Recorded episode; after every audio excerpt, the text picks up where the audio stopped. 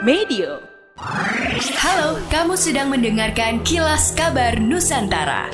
Podcast persembahan KG Radio Network menyajikan berita harian yang mengangkat keunikan dari berbagai wilayah Indonesia. Pergi liburan, tapi bingung mau nginep di mana? Pilih Batika Hotels aja. Yuk nikmati pengalaman menginap asyik yang gak bikin kantong bolong di Batika Hotels dengan jadi member Batika One. Dapatkan diskon spesial hingga 500 ribu untuk menginap di semua Batika Hotel seluruh Indonesia dengan jaminan harga termurah, gratis kopi, dan keuntungan lainnya. Yuk daftar membershipnya sekarang dengan klik link di kolom deskripsi. Sebanyak dua ASN di Makassar ditemukan mendaftar sebagai bakal calon anggota legislatif Bacalek Partai Politik untuk pemilu 2024. Komisioner Bawaslu Makassar Dede Arwinsyah mengungkap itu berdasarkan hasil pengawasan.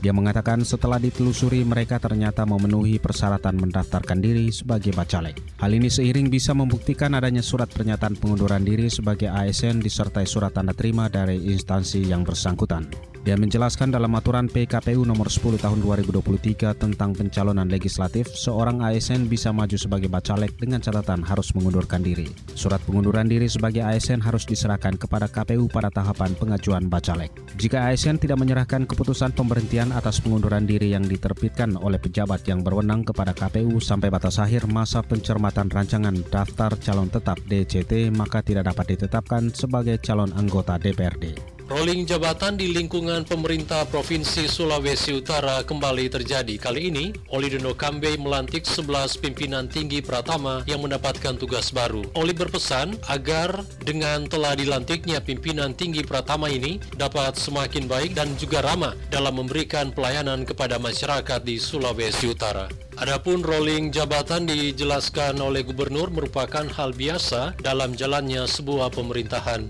Wali Kota Dani Pomanto mengajak seluruh pelajar SMP di Makassar untuk bersama-sama memerangi narkoba, tawuran, balapan liar, hingga berita hoax yang banyak bertebaran di media sosial. Pesan itu disampaikan di hadapan ribuan siswa saat memimpin apel pelajar SMP Sekota Makassar di Tribun Lapangan Karebosi Rabu 26 Juli 2023. Apel tersebut dalam rangka peningkatan wawasan kebangsaan anti narkoba narkoba, anti tawuran, dan anti balap liar. Kegiatan ini merupakan inisiasi Polrestabes Makassar bekerjasama dengan Dinas Pendidikan Distrik Makassar.